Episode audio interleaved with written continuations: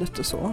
Ja, precis. Man kan ju, när man pratar om eh, hur vi ska organisera oss eller hur vi ska bekämpa eller arbeta med olika frågor Mm. så kan man titta på men, men vad, vad finns det idag? Jo, det finns en uppsjö sätt att organisera sig. Mm.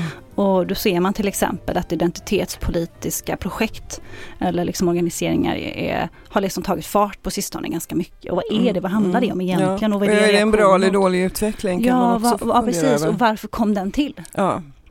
Mm. Det kan få du få svar på varför. Ja, det vet inte jag. Ja, nu, kör, nu kör vi lite anarki här istället. Nu, nu gör vi en helt ny grej. För nu har vi med oss Tanne Sharif. Ja. Eh, Vi lyckades göra den här gången. Ja, snyggt. Jag tänkte, Fan det är bara mitt och ert namn som jag inte kan uttala nu då, för Vivian Johansson klarar jag av också. Men Per Ödlund, det, det går liksom inte när man kommer från Mölndal, för då försvinner det där d det, det är i Libanon om man säger så. Aha. Den är inte med oss, eh, och aldrig varit, därför har jag aldrig fått heta I Spanien heter jag alltid namn. Ja. Eftersom Oh, jag stavar med W, man uttalar ju W på engelskt vis i, i spanskan. Det var väldigt fint. Väldigt eh, knepigt, oui. Det låter ju fantastiskt faktiskt. Får man kalla dig för det fortsättningsvis? Ja, fint. Jag hade någon, någon session i, eh, när jag var i Amsterdam och beställde kaffe, då blev jag Peter Ndendele. jag tror, Han trodde vi var landsmän tror jag. Och så Ja. blev det väldigt mycket konsonanter och inte så mycket annat och så kände jag mig att det var, det var nog inte min kaffe. Men det Nej. tyckte han och så blev han arg. Mm. Så kan det gå. Mm. Men det är inte det vi ska prata om idag. Mm. Idag ska vi prata klass. Igen. Det har blivit lite, lite klassspecial här nu det senaste liksom. Mm. Klass, kl- klassik kan man Varför är det så besvärligt? Ja nej, men det är väl just därför vi försöker att prata lite grann Eller är det också. det? Mm. Tyck, vad, vad, om vi börjar där istället. Nu hade jag tänkt, nu du kör dubbelanarki här helt enkelt. Ja. Vad är klass ett eh, käckt begrepp eller ett icke-käckt begrepp numera? Jo, men det tycker jag väl också. Jag tycker att vi ska fortsätta använda klass som begrepp. Jag tycker att det är ett bra begrepp och det har en stor liksom det finns en stor historia, både teoretiskt och rörelsemässigt och i kamp, alltså om man tittar på kamperna bakåt. Så det är viktigt tycker jag. Men sen är det väl att vi måste vara beredda på att det kanske att innehållet i det begreppet förändras Mm. med samtiden. Så att vi får vara lite flexibla i vad vi kanske associerar med, med klass och, och sådär. Och sen så gömmer sig många andra begrepp inom det.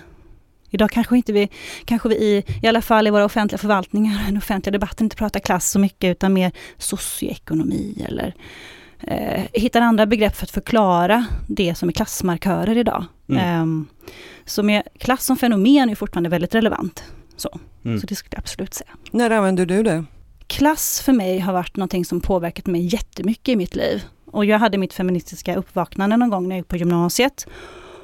Eh, och då var det, det jag hade framför, framför ögonen var då ojämlikhet utifrån kön väldigt mycket. Mm. Alltså som kvinna att man då underordnas i samhället. Och sen då som, som också lesbisk aktivist så, så var ju också sexualitetsfrågor viktiga. Mm. Och i den feministiska kvinnorörelsen så var det ju det man slagorden handlade om mest. Och sen så försökte man förena då kvinnokamp och klasskamp. Och försöka liksom få den feministiska rörelsen att också vara en del av eh, liksom den antikapitalistiska rörelsen och tvärtom. Och man tyckte väl att man missade eh, de feministiska frågorna kanske i, den, i klasskampen och tvärtom. Så hur tänker du på eh, feminism eh, kontra klass? Jag tänker att de inte går isär. Alltså jag tänker att det är det är rättvisefrågor som förutsätter varandra. Vad ska man säga? Du kan inte prata om kvinnor, kvinnors underordning utan att ha med ett klassperspektiv egentligen eftersom att, eh, och tvärtom. Um, och därför så, därför så tänker, nu har vi plockat ut två delar av, av, av rättvisemarkörer, alltså klass som en sån sak och, och kön. Men jag numera tänker ju på eh, kampen för rättvisa utifrån ett ganska intersektionellt perspektiv. Där man tar in ganska många markörer. För att om vi, eh, för arbetarklassen har ju missat kvinnorna i många, många år. Och sen så, så försökte man få in liksom kvinnor in i, i både rörelsen och kampen och då missade man också personer som var icke-vita och så fortsatte det liksom och för, för olika med funktionsvariationer och sen så därför går det inte att prata, vad, man får tänka vad är syftet, vad är det vi vill uppnå? Mm. En jämlik värld, ja Mm. då behöver vi få in Ja, men Mm. alltså just när det gäller eh, synen på, på kön, alltså feminismen, så tänker jag, hur ser du på, har du någonting gemensamt eller tycker du att andra kvinnor har någonting gemensamt? Vi säger en, en borga, borgerlig kvinna från Örgryte eller Östermalm med någon i i Tensta eller Angered eller någonstans i Mölndal? Intressant att du säger eh, om man har någonting gemensamt. För det är det som eh, den politiska rörelsen mycket har handlat om. Att vi ska hitta så likheter och gemensamma utsatta y- alltså ytor där vi gemen... Ja, men, att gemenskap är en ganska viktig del och den bygger oftast på likhet, eller hur? Så, men, eh, och jag tänker att jag kan ha mycket mer eh, gemensamt med Mohammed från Irak än en kvinna från Örgryte. Eh, för, eh, för att vi delar den typen av, vi delar erfarenheter av rasism som för mig har varit mycket mer eh, drabbande Mm. än, att- än den liksom Ja men rent teoretiskt, om Mm. du ser, alltså jag tänker så här, att en eh, kvinna i, på till exempel, i Örgryte, säger Mm. vi, som har eh, gott om pengar, en socialt eh, välordnad miljö. Jag ser att hon har ändå en under, kan ha, eller har som en, på grund av sitt kön, Ja. en underordnad ställning i hierarkin. Absolut. Där. Och det ser jag som att där finns det någonting som vi kvinnor har gemensamt. Så menar du, absolut. Men så tänker jag så här, att kvinnor över hela världen har det gemensamt. Absolut. att man underordnas män. Men det intersektionalitet som begrepp lyfter fram som jag tycker är så bra, är att det är kontextuellt. Jag brukar dra det här exemplet med en svart kvinna som är VD för ett företag. Mm. Hon kanske har en vit man som lokalvårdare. Och i den kontexten, då hon möter honom i hissen, eller vad hon möter honom någon annanstans i de där korridorerna, så har hon en ganska tydlig maktställning gentemot honom. Mm. Men sätt båda två personerna på en spårvagn klockan tre på natten. Då har de helt olika förutsättningar. Därför är det ju så att det kulturella och sociala sammanhanget kan missgynna och gynna eh, eh, personer på olika sätt beroende på... Så, att, så även om du, du, har, du är kvinna, men sen då? Har du, har du andra privilegier, som då socioekonomi och mycket annat, så kan du också skapa dig ett liv där du lever tryggt Mm. eh, och där du, har, där du aldrig behöver möta vissa människor. Eller du behöver aldrig försätta dig i situationer där du blir utsatt. Men vad gör man med den kunskapen då i Mm. arbetet för att bemöta så att alla människors lika värde blir lika värde på riktigt? Ja, det är en väldigt stor och bra fråga. Eh, jag, har, jag vet inte vad man gör, man kan göra många, många saker. Men tänker du hur man skapar jämlikhet utifrån alla möjliga markörer? Eller eh, hur Ja, du? alltså jag är lite rädd för det där att man positionerar sig i olika, jag är en sån och sån och sån Ja, och kan inte eh, företrädas heller av någon, någon Ja, annan som precis. inte är sån och sån och sån. Ja, men de fyller, jag tror att det här med att företräda och så, det fyller lite olika syften. Det ena handlar om att synliggöra, att bli synlig i samhället och få ett existensberättigande. Eh, jag tänker kvinnor gjorde det väldigt mycket på 70 och 80-talet. Träffades själva, basgrupper, för att synliggöra våra erfarenheter som kvinnor. Det behövdes i ett samhälle som många gånger osynliggjorde kvinnors berättelser och historier, även forskning och sådär. Så i en kamp, särskilt när det kommer till minoriteter i samhället som tidigare inte synliggjorts, som inte har fått en plats, så blir det första, de första decennierna går det åt till att bara så här, hej vi finns, vi existerar. Och då i det projektet, och det, så tror jag majoritetssamhället blir sådär, ja men Gud vad mycket identitetspolitik det pågår Mm. här och här ska man hålla på och träffas själva och det blir ju segregerande och det där är ju diskriminerande, det är till och med vissa som menar, då har man inte förstått vad diskriminering är. Men, men jag tänker att Nej men jag tänker att man måste ha en förståelse för att nya rörelser som då till exempel samlar minoriteter är, har en, behöver ha en startsträcka i sin organisering. Och att formulera sina frågor och hitta gemensamma intressen. Och vad är det vi ska driva och inte? Och för det behöver vi träffas och prata och förstå varandra. Mm. Jag tänker den senaste utvecklingen med transpersoner i Sverige till exempel. Det är en minoritet i vårt samhälle. Eh, som, som många gånger osynliggjorts, har inte träffats. Har börjat få träffas och förstå. Där ser man ju att det är en uppsjö olika identiteter, livsvillkor, eh, också hur man ser på kön och, och man inte alls är ense. Precis som kvinnor, Kvin, kvinnor i kvinnorörelsen. Arbetarkvinnor och medelklasskvinnor och svarta kvinnor. Alltså, och så ser man, och jag, det är det jag menar att, att man behöver ha sin formationstid som kan bli ganska introvert. Eller som kan bli ganska fokus på oss och, och, och, förstå vilka vi är i det här samhället. Och, eh, vad har vi för gemensamma och inte gemensamma erfarenheter. Mm. Men du ser det som en övergångsfas? Jag skulle nog se att det är en övergångsfas men att det andra behålls utefter att jag tänker att det behöver ske parallellt. Mm. Eh, jag har jobbat ganska mycket i separatistiska sammanhang nämligen. Eh, jag har bott i kvinnokollektiv och jag har gått på Kvinnofolkhögskolan. Jag har, gått, jag har jobbat på en mötesplats för unga tjejer många år i Angered. Och sen drev jag och, och startade en verksamhet som är Gays i Angered, som är en hbtq-mötesplats för ungdomar i Angered. Så jag har varit mycket i separatistiska miljöer. Mm. Eller separatorganiserade miljöer som man ska säga, för separatism är någonting annat ja. också. Mm.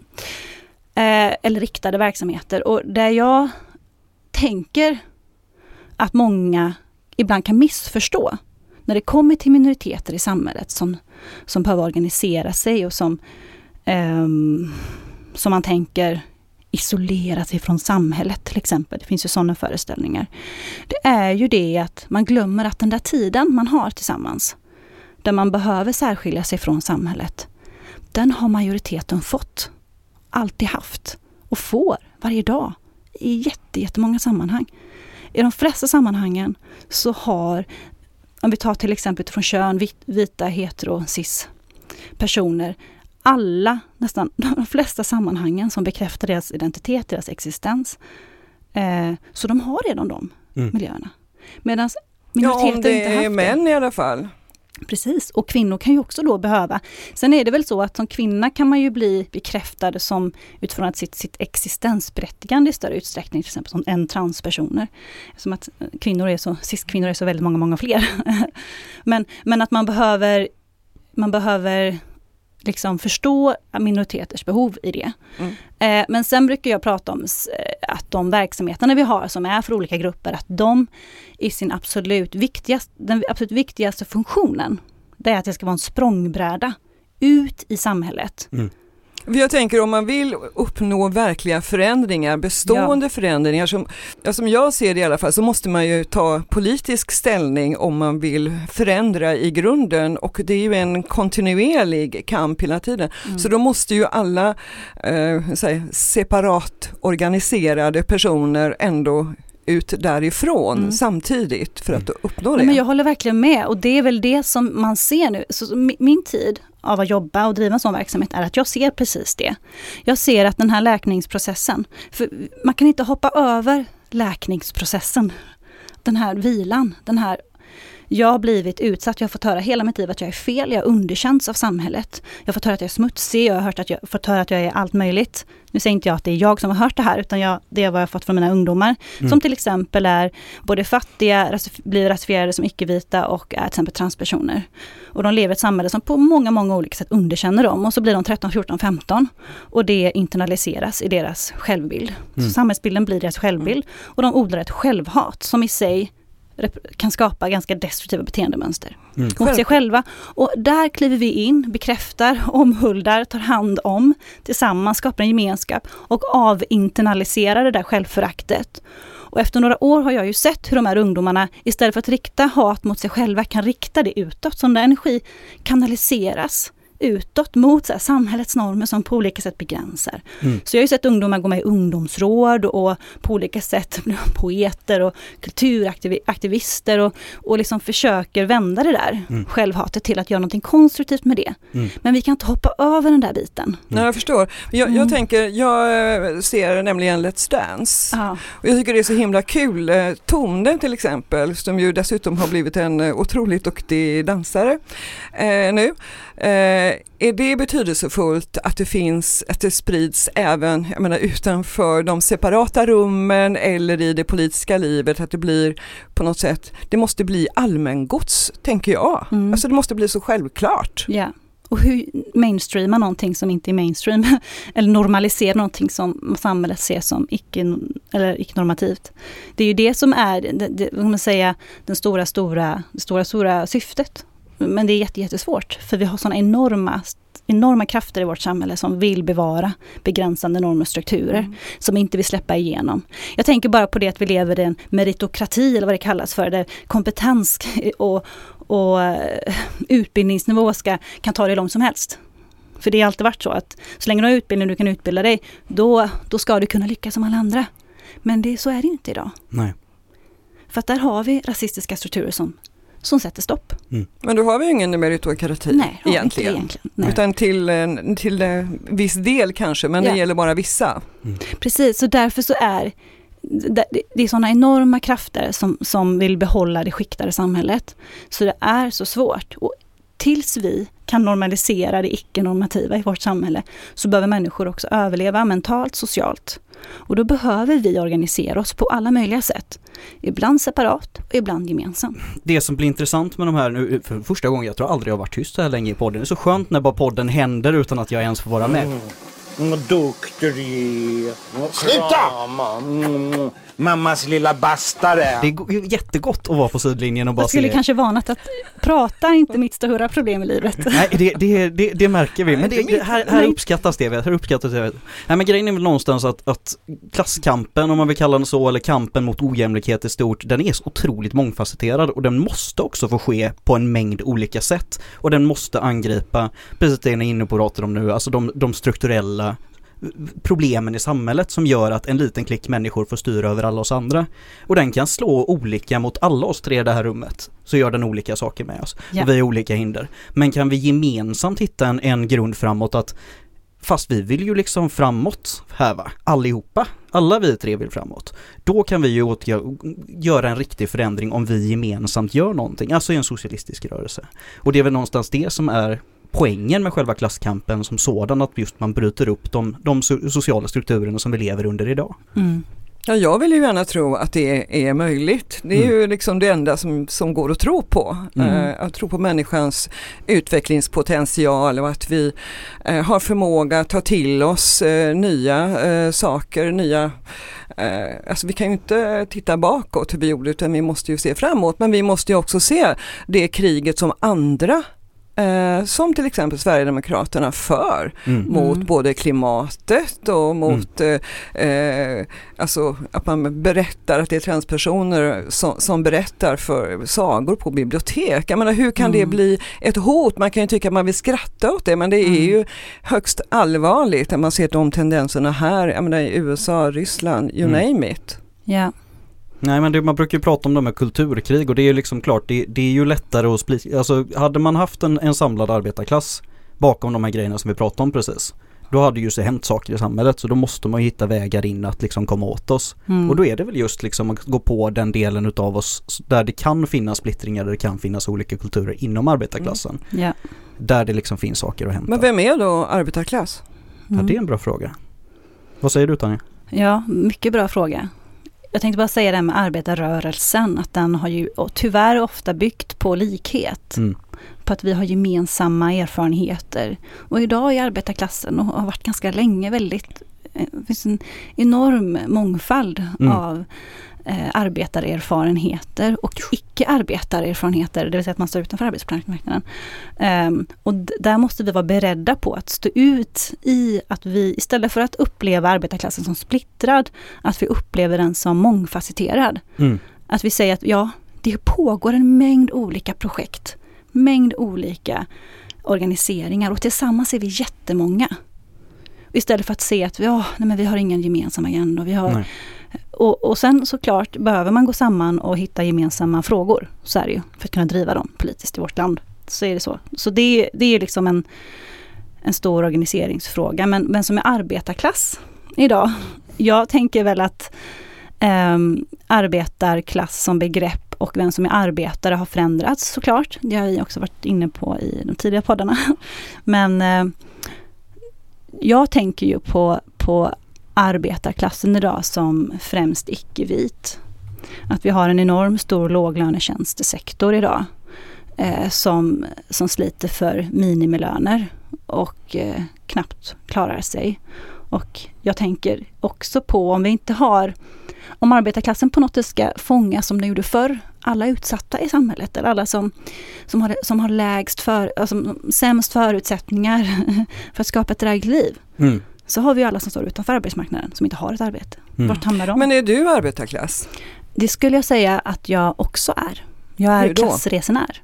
Jag kommer ur en arbetarklass. jag kommer väl från någon form av underklass. Där vi eh, kom som flyktingar och mina, båda mina föräldrar har grundskola tror jag som högsta utbildningsnivå. Ja. Jag kom som flyktingar från ett krig där vi redan var fattiga liksom. Jag kom med tre barn och jag, eh, men vi kom till Mölndal. Vi kom till Krokslätt. Eh, som är ganska, ja det är ganska bland, det finns ju mycket arbetarklass där också men, men jag uppfostrades, eller jag fostrades för socialt utanför hemmet av mina vita medelklasskompisar och deras familjer. Genom föreningsliv och skola. Så ja, jag har väl eh, en eh, gjort en klassresa på, på olika plan. Både ekonomiskt, för jag utbildade mig sen, gick på universitetet. Eh, och sen nu har en form av tjänstemannajobb. Eh, där jag har en form av medellön. Mm, liksom. Eh, men jag har ju mina arbetarerfarenheter. Mm. Och jag var med i en forskning för några år, många år sedan nu, där det var en forskare som var intresserad av just klassresenärer som fenomen. Och hon menar att de står liksom utanför klassbegreppet. Eller det är som att man, man skapar en egen klass för de som har rört sig mellan olika klasser. Man kan röra sig neråt och uppåt och, och sidledes tänkte jag säga. Och jag, det som händer är när man startar i arbetarklass, det är att du har med dig ganska många eh, sköra, skör, sårbarheter både i självkänsla och i självförtroende.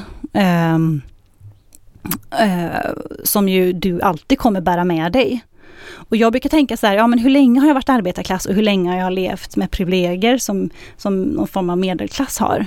Och så brukar jag sätta dem i relation till varandra och hur mycket de har påverkat mig. Så som jag växte upp i det som jag växte upp med.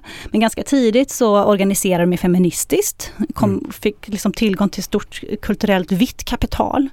Eh, fick liksom ganska tidigt lära mig socialisera bland vita medelklassmänniskor. Eh, och sen gick jag på universitetet och så nu jobbar jag liksom i en strategisk position. Och där har man ju liksom, alla de där erfarenheterna, en, en salig blandning, skapar den här klassresenären. Jag har ett, en skör självkänsla. Men är, Bland, alltså, men, min historia liknar ju precis din fastän ja. jag är född i svensk eh, ja. arbetarklass eh, i en annan tid. Mm. Eh, men det blir ju samma kontentan blir ju detsamma. Vi är också högskole och universitetsutbildade och har jobbat med den typen, alltså som journalist och eh, så.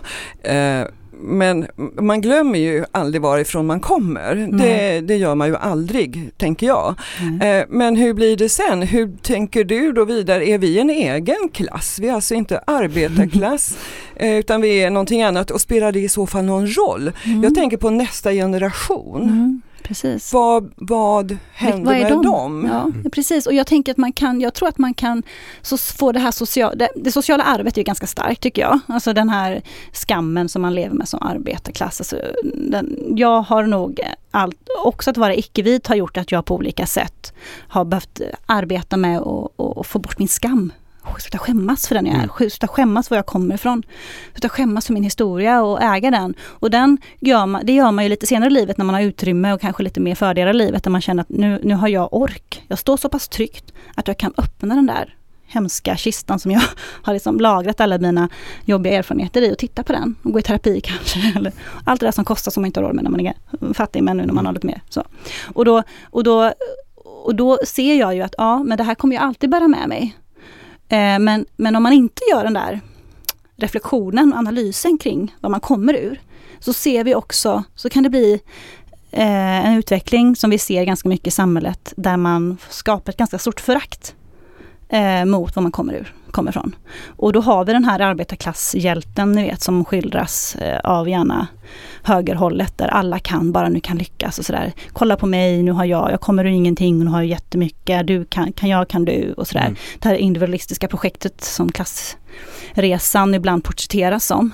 Och sen, och som gör att, som ju skapar skam för alla de som inte har gjort det. Mm.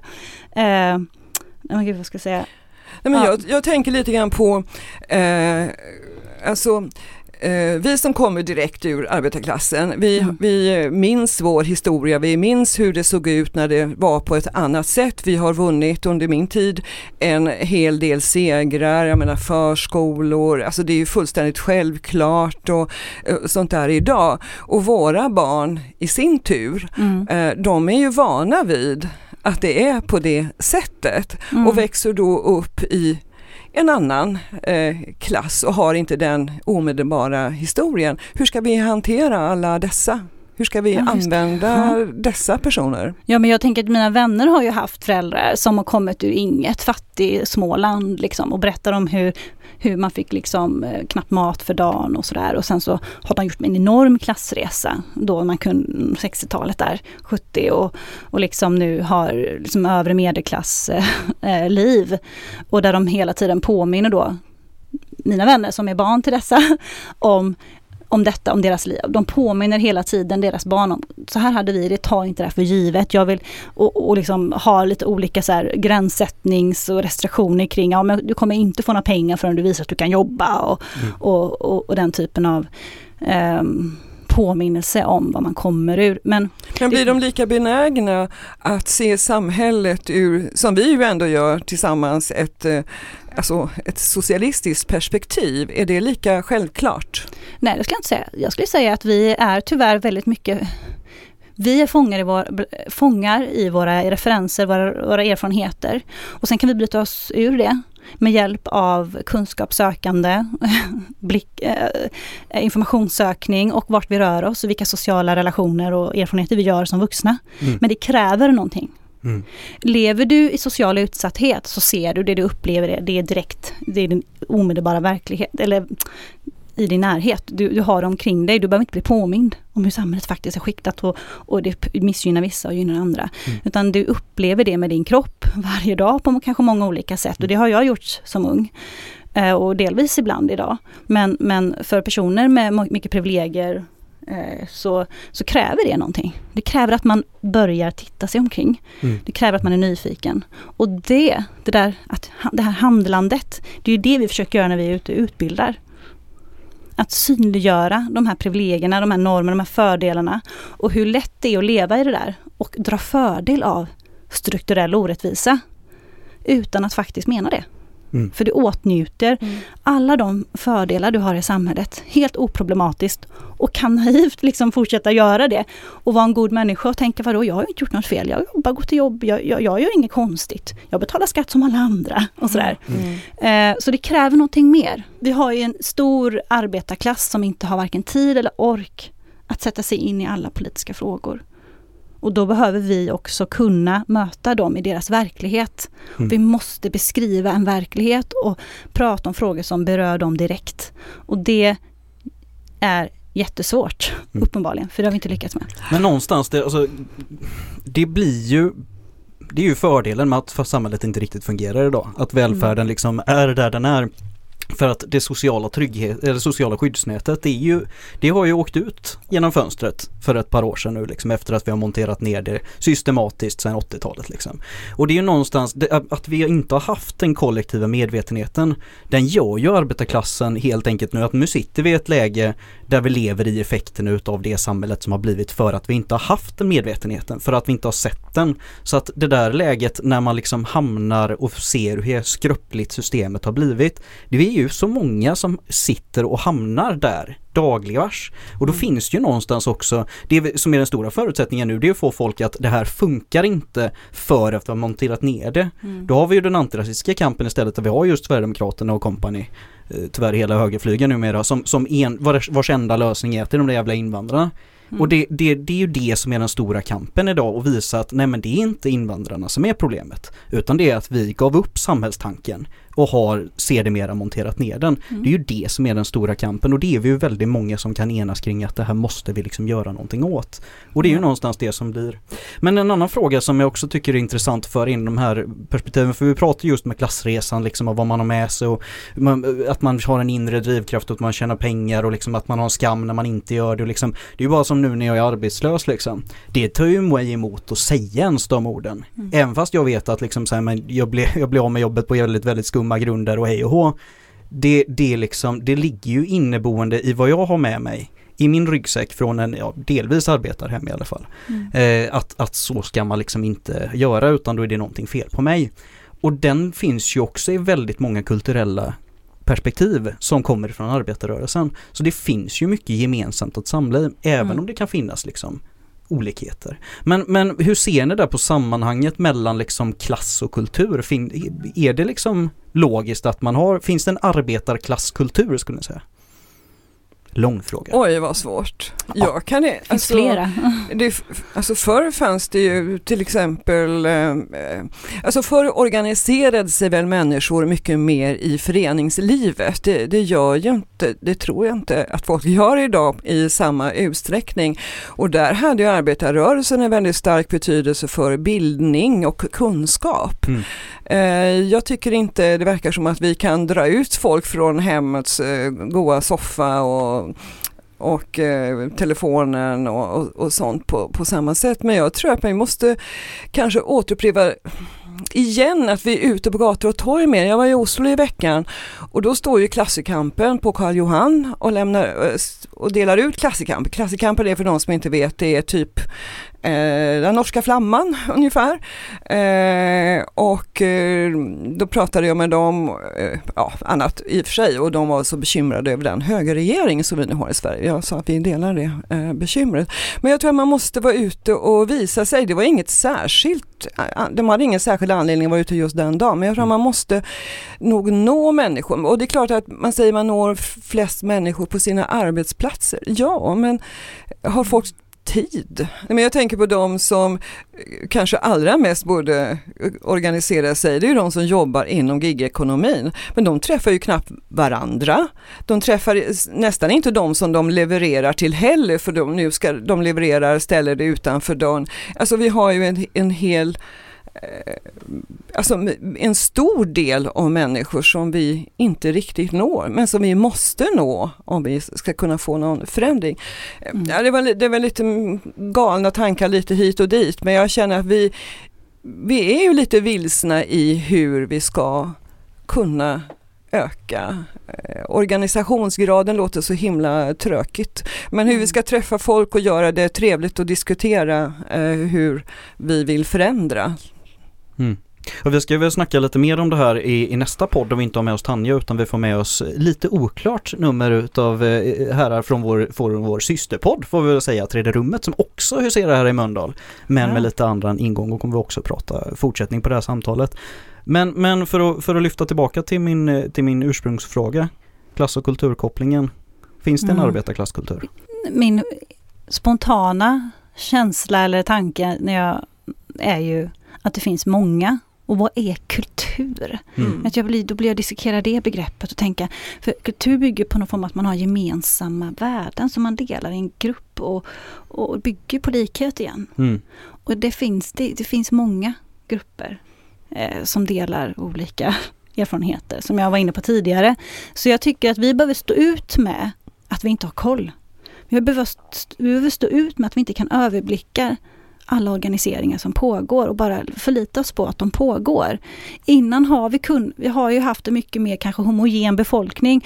Det har ju varit mycket, arbetarklassen har varit mycket mer homogen. Arbetsmarknaden har varit väldigt tydlig innan. Det har inte funnits, nu finns det för, det går inte att överblicka och därför så blir vi förvirrade. Mm. Tror jag. Jo, vi blir nog förvirrade. Så, kan, så jag tror kanske mm. det är vårt vårt egna behov av begriplighet som ibland får företräde framför vad vi faktiskt vill uppnå. Vad är det vi vill förstå och varför är det så viktigt att förstå det? Vad ska vi göra med den förståelsen av att...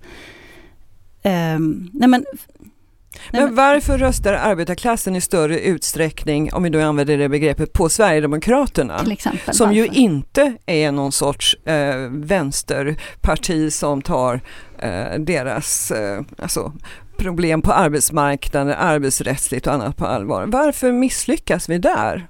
Ja. Det är ju den stora frågan som vi Det man hör med. är väl att vi, de är populistiska i sitt sätt att nå ut. De, är, de, de pinpointar x antal sakfrågor som är väldigt relevanta för den vita arbetarklassen. Ska vi också göra så? Jag tycker ju det. Jag har tänkt på det här ett tag och tycker att vi behöver vara mycket mer, tyvärr. Alltså populism handlar ju egentligen inte, det är ju blivit ett skällsord nästan. Men det är det ju inte egentligen från början utan det är ju faktiskt ett sätt att faktiskt bara eh, förenkla och möta människors reella verklighet. Man tar ett problem ur lådan och eh, ja. pinpointar Va, det. Vad är det folk beskriver som problematiskt och så möter man folk i det. Men man behöver inte göra det utan man behöver inte tumma på kvalitet och ideologi för det. Mm. Man kan bara vara väldigt tydlig. Och det behöver vi vara. Mm. Jag, jag älskar ju begrepp som solidaritet och social rättvisa. Eh, men de har blivit eh, ord som blivit urvattnade. De säger inte människor någonting längre idag. Eh, och de kan vi ha i våra partigemensamma rum. Det, är, det får man ju fort, vi fortsätter sjunga international på alla våra möten och det är jättebra. Men jag tror att när vi jobbar utåt i ett samhälle som, som det ser ut idag, så behöver vi vara där människor är på ett helt annat sätt. Eh, och adressera människors problem. Det är så. För vi har den politiken som gynnar utsatta människor. Men vi har inte fått fram det. Så därför behöver vi ge efter kanske, vissa saker som vi kanske... Ja men jag tror att man kanske inte kan få med alla ens hjärtefrågor i alla, i alla politiska kampanjer. Om ni förstår vad jag menar. Mm. Kanske få pausa några frågor för att vinna mark och när vi har gjort det då, då kan man liksom... Men titta, alltså Ja. valrörelsen kulminerade ju i en Nooshi-kampanj. Eh, är det ett populistiskt sätt att bedriva en valkampanj som, som är framgångsrik? Det där är så svårt för att för min egen del så tilltalas jag väldigt mycket av det. Men jag förstår ju att det är ju, eftersom, återigen så är identitetspolitik relevant. Men vem som står där och med vilka erfarenheter Mm. som presenteras kommer vi, vi, kom, vi... Det är ju lite det här amerikanska karismatiska ledarskapet som vi har hamnat i igen. Men då får man leva upp till det också. Ja, och det är svårt. Det är, en person kommer aldrig kunna företräda många, många erfarenheter och intressen. Därför är det egentligen ett misslyckat projekt om inte den personen råkar vara eh, ha alla de erfarenheterna som majoriteten av rösten, de vi vill, de vi vill ha röster ifrån, är. Om ni förstår vad jag menar. Mm. Om vi då har ma- majoritet av vit arbetarklass som vi behöver nå, till exempel, nu är det inte så, men då behöver vi ha den typen av identitet, de erfarenheterna hos våra ledare. Men så kan vi inte heller. Nej, så tror inte jag. Nej, jag tror ju inte heller det. Men, men jag menar bara det att, att eh, Jag tänker mera på att det blev en sån personvalskampanj. Ja. Om eh, eh, det istället hade varit en eh, hmm, hmm, kampanj för bättre det och det till ja, folk. Det kan också vara på ett populistiskt sätt. Fast, Alltså ett fast Nooshi var ju ute på glesbygden. Jag var där, men vilket budskap? Alltså det är ju det vad vi pratar om. Mm. Och om du säger att man kanske skulle bli, att vi borde bli lite mer populistiska i vårt sätt att, att prata om politiken ut till människor, då är det väl budskapet och inte Jo men hon, jag, jag, jag, jag är ändå lite sådär Jag tänker också att hade då, samma ord som Nooshi, sam, det som Nooshi sa, hade det förkroppsligats av en annan person så tror jag att det hade tagits emot på ett annat sätt. Jag tror att vi är tyvärr känsliga för vem det är som säger vad. Mer än vad som sägs. Ja, jag tänker Mm. bara att det hade, för mig var det bara så enkelt att det var en Trump-kampanj. Mm. Alltså med kepsar och hela det där attributet. Mm. Det fick mig att bara känna nej, nej, nej, det här kommer inte att gå hem. Det gjorde det inte. Jag tror någonstans att det, det, om vi just ska göra en, nu har vi ju haft poddar om, om eh, vad som gick fel i valet Ja, också, men, det- men, men bara för att blanda in det i den här diskussionen också, så någonstans det, det som vi gjorde fel egentligen var ju att vi, vi trodde att vi vann i, i maj och sen pratade vi om att, att förhandla oss till en så bra position inför liksom regeringsbildningen som Mm. möjligt och snackade bara regeringsbildning hela eh, tre sista månaderna på, på liksom kampanjen, vilket ju eh, inte var så jävla framgångsrikt liksom. Sen är inte jag heller med på någon, med på någon Trump-keps eller eh, så och, och kan samtidigt också då se att det, det är absolut, det, det var en skitbra att hon Alltså representation är ju Nooshi kanon. Och någonstans Nooshi, det vi pratade om här innan också innan vi tryckte på räck. Att liksom så här personen Nooshi är också kanon. Och jag menar liksom den Ja. här tjejen som kom upp, stod upp mot, mot liksom så här sosse-etablissemanget och var nej vi tänker inte acceptera marknadshyror. Det, det är ju Mm. det som går ut. Det är Ja. ju det som Ja, funkar och det är ju absolut. någonstans, det är ju där, det, det är ju vänsterpopulism Ja, för mig. men- När man säger nej. talman, marknadshyror är en attack på Sveriges hyresgäster. Det kommer på sikt att driva människor ifrån hus och hem. Den svenska modellen att ha rätt att kollektivt förhandla om sin hyra, det är den rätten som nu krossas. Stefan Löfvens väljare är emot det här. Svenska folket är emot det här. Sju av tio svenskar säger absolut nej till marknadshyror. SSU säger citat, det är en skitidé. Men man förstörde det i kampanjen genom att amerikanisera det. För det tror inte jag vi är redo för. Jag hoppas vi inte blir det på det, på det sättet. Så att det, det är, um, alltså jag tror att det är sättet vi väljer att närma oss folk som är viktigt. Det här var Mm. inte ett sätt som gick hem kan man Nej. säga. Men är vi inte redan där, där vi har det amerikanska? Inte riktigt, men vi har ju, om man tittar på våra, på, partiledarna i alla, som, om man tittar på, part, på de diskussionerna dem emellan, så är vi redan, tycker jag, i, en, i ett sätt att föra fram politik och budskap som är liksom populistiskt, Trump-aktigt, och man lyfter fram ledarna. Ett man ljuger som en plan. häst travar och utan ja, att skämmas det minsta. Ja, ja. Eh, Ja men det kanske vi är men vi måste ju ändå göra det bättre. Det måste vi, Eh, Och vi ska absolut. inte ljuga, vi ska inte, alltså det är det jag tänker Ja. att man eh, måste tänka på tilltalet ändå. Absolut. Det låter eh, tråkigt men jag tror att man får vara, mm. Nej men jag, alltså, någonstans också så blir det ju det här Just, just med liksom så här grundproblematiken och varför, du, du ställde frågan Vivian innan Varför tappar vi röster till Sverigedemokraterna? Och det är ju för att Sverigedemokraterna har ju en förklaring på varför Sverige inte fungerar På en mängd olika områden Sen att den förklaringen är fel Det är ju en annan sak Men det är ju det som är vårt problem att våran förklaring Dels har det, eh, som den har varit formulerad så är den inte speciellt lättsmält och det är ju ett problem i sig. Men vi är ju för dåliga på att ta den förklaringen. Vi står ju och pillar i sakpolitik när vi måste liksom ta ett, ett större, bredare grepp där vi just kan fånga upp det vi har pratat om innan. Flera människor som vill ha ut olika saker men som allihopa vill ha en förändring och ett samhälle som är till för dem. Alltså någonstans, det är ju där vi måste prata. Mm. Det är liksom, vi, vi skiter i vem som styr skutan, det är ju skutan som är intressant och att alla ska kunna få plats. Det är liksom, vi, vi, det är ju arken här som är intressant va. Mm. Sen, sen om det är Noak eller Nooshi, det skiter väl jag i. Så länge det är arken som är liksom i centrum va. Men jag tror också, jag håll- håller verkligen med dig om det, det här med att vi har, våran förklaring till varför vi har ett samhälle som med söndertrasad välfärd, det är en komplex förklaring som kräver eh, lite tid. Det kräver att man har vissa förkunskaper för att förstå. Och tidigare så hade vi, tycker jag, en politik som folkbildade oss lite mer. Som, som hjälpte oss att hänga med lite tydligare på hur saker hänger ihop. Ja, men om vi, höj, om vi höjer eh, eller sänker skatterna och bara, bara jag, jag ibland tänker så här, varför står inte någon bara varför gör man inte små korta informationsfilmer hur till exempel fattigdom och kriminalitet hänger ihop? Mm. Varför gör man inte små, små liksom sketcher om hur allting bara ganska enkelt hänger ihop? Så här skapar vi kriminalitet.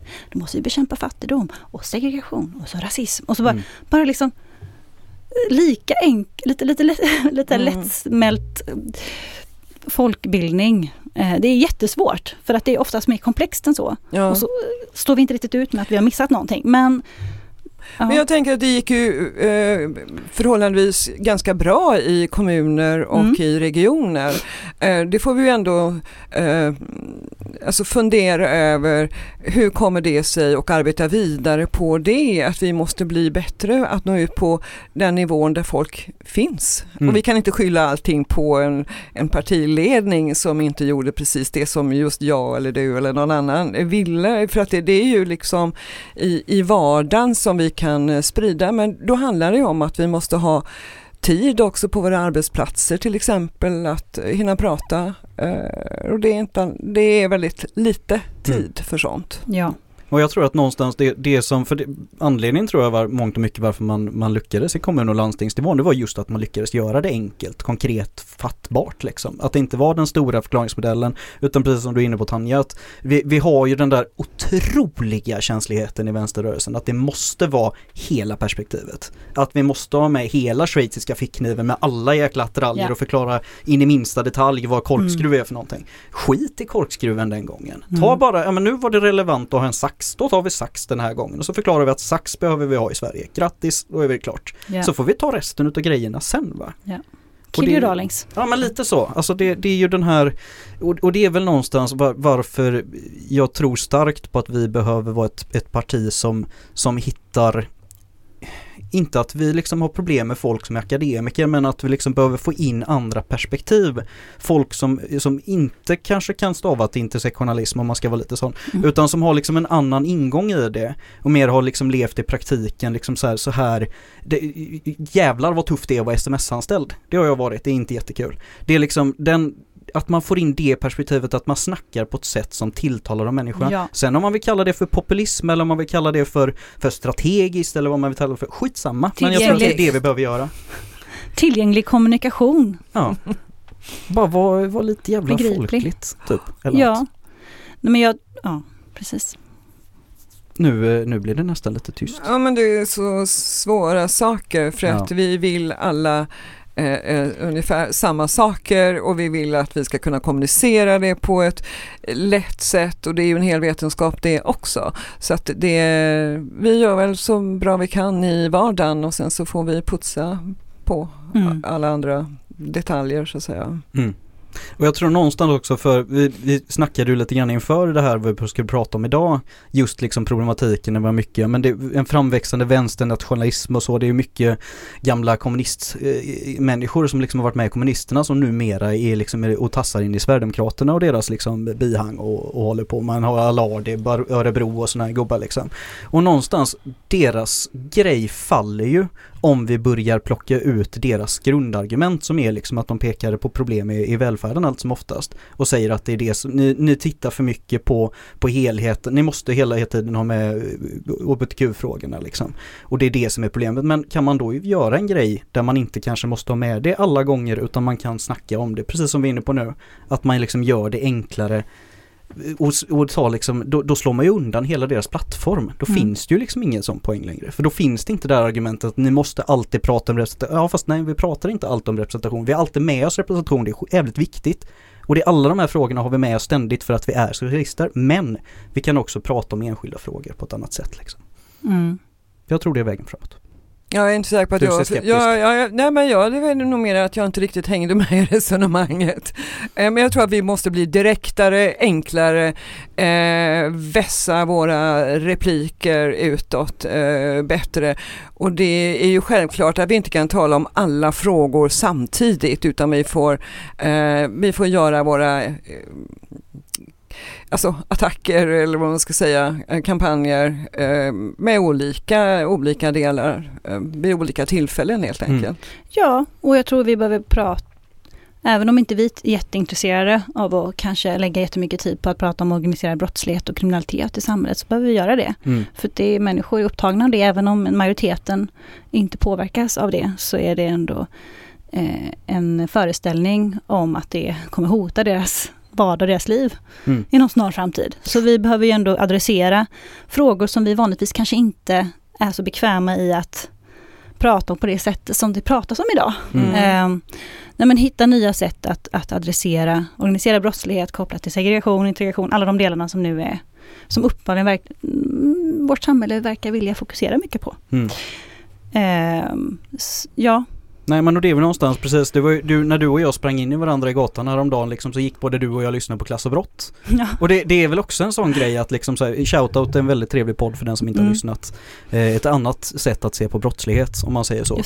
det. Eh, och det är väl liksom just det vi behöver kunna börja göra, att samtidigt inte köpa högerns agenda och inte, framförallt inte deras problem, prob- problematiseringar men ändå att kunna prata om deras ämnen utifrån ett vänsterperspektiv och med tydliga vänsteringångar och framförallt tydliga vänsterlösningar. En vänsterlösning är inte fler poliser och hårdare batonger. Och det kommer den aldrig vara. För att det är vi som får smaka på de hårdare batongerna i arbetarklassen. Ja. Punkt. Men jag tänker också på det här att man måste ta diskussionen där den uppstår. Eh, en av mina söner eh, som har jättegoda kompisar sedan eh, han var 5-6 år och fotboll och allt sånt där. Sen har de väl ja, hängt med varandra genom livet, typ 35 eh, plus är de. Och eh, ja, men när, så träffade han dem ganska nyligen, de var då en eh, ja, 60 stycken kanske sådär.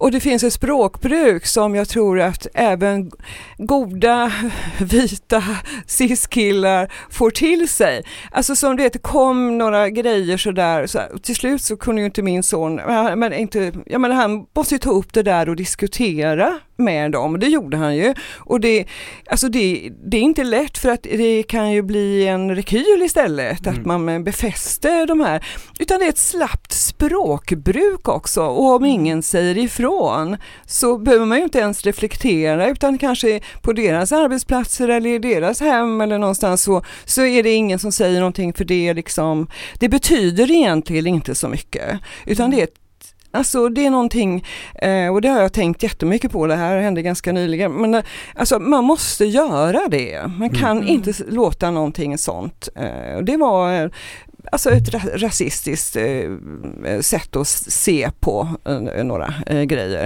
eh, med uttryck. Alltså man, man, man måste göra det, jag hoppas att det finns många som, som gör det. Eh, och det är klart att det, man vill ju inte förstöra stämningen. Nej. Men Ibland eh, jag tror man ibland måste man nog få ta den risken och i, Mm. i bästa fall så blir det ju ett bra samtal. Det råkade bli så där i alla fall. Mm. Eh, att de funderade verkligen eh, vad jag förstått på att mm, det är lite slappt så. Så det, mer sånt måste vi ju förstås göra. Ja, och jag tänker, jag tänker när det kommer till rasism eller när det kommer till liksom andra begränsande normer så, så tror jag att man behöver i vårt samhälle eller i Sverige så är, har man fortfarande någon form av ganska god självbild. Eh, eh, naiv, god självbild av att så här, det där har inte med oss att göra, rasism har inte med oss att göra. Man har ställt sig utanför den typen av eh, frågor ganska länge. Men däremot när man pratar om ojämlikhet mellan kön, där har vi varit lite snabbare. Där, eller där har vi varit lite bättre och gett mycket tid, energi, pengar och jobbat med de frågorna. Men rasism har inte varit en sån sak. Och jag tänker att eller jag tänker att man behöver bara ett stort e-, erkännande kring att ja, vi lever alla ett, vi lever i ett samhälle som bärs upp och genomsyras av rasistiska strukturer. Det är liksom insprängt i det mesta. Mm. Och att för, så som händer nu är ju det här med att det pekas finger och det blir den här liksom, det värsta man kan bli kallad är att bli kallad för rasist. Eh, och att det blir det här liksom individuella, liksom i det lilla sammanhanget. Du sa så, vem sa så? Så är man, är man liksom upptagen av begrepp och språkbruk på ett sätt som jag tycker det är viktigt med språket och det vill jag inte förminska, men jag menar att vi behöver ibland bara liksom avdramatisera det lite och tänka sig ja, jag brukar säga vi är alla rasister. För vi, vi är alla en del av ett samhälle som, som på olika sätt gör vart fall skillnad på människor. har vi ju alla. Ja, men vi är alla en del av ett rasistiskt projekt. Liksom. Det, hur, om vi tänker på hur allting är organiserat. Och, ja, jag, jag tänker bara att det på något sätt det bara krävs en... Vi måste bara komma vidare från det. Mm. Istället för att ställa frågan, finns rasism? Mm. Utan så här, bara, kom, vi, komma vidare, komma vidare och bara, ja, det finns överallt. Hur ska vi jobba? Hur ska vi jobba? Ja. Vi ska jobba helt enkelt och göra någonting åt det. Och innan det blir, det blir ett avsnitt till så tror jag att vi får eh, skicka med den helt enkelt. Att jag tror det är det bästa sättet att, att slåss mot både sexismen, rasismen och, och hela jäkla borgarkaskiten också. Det, det är ju eh, att säga ifrån. Har vi pratat om klass? Ja, det har vi. Ja, det har Jo, vi. Vi har pratat så mycket klass förut så det, det eh, vi är inte annat så står det i rubriken. Ja, så det, det. folk kommer att vara med och så. Ja, bra. Men hörni kamrater, nu tackar vi för idag. Tack. Det är att Tack. sakta paddla ner för Mölndalsån Dröja lite lyssnande till vattnets klunk Glida under pilarna produceras av Hakuna Matata Produktion.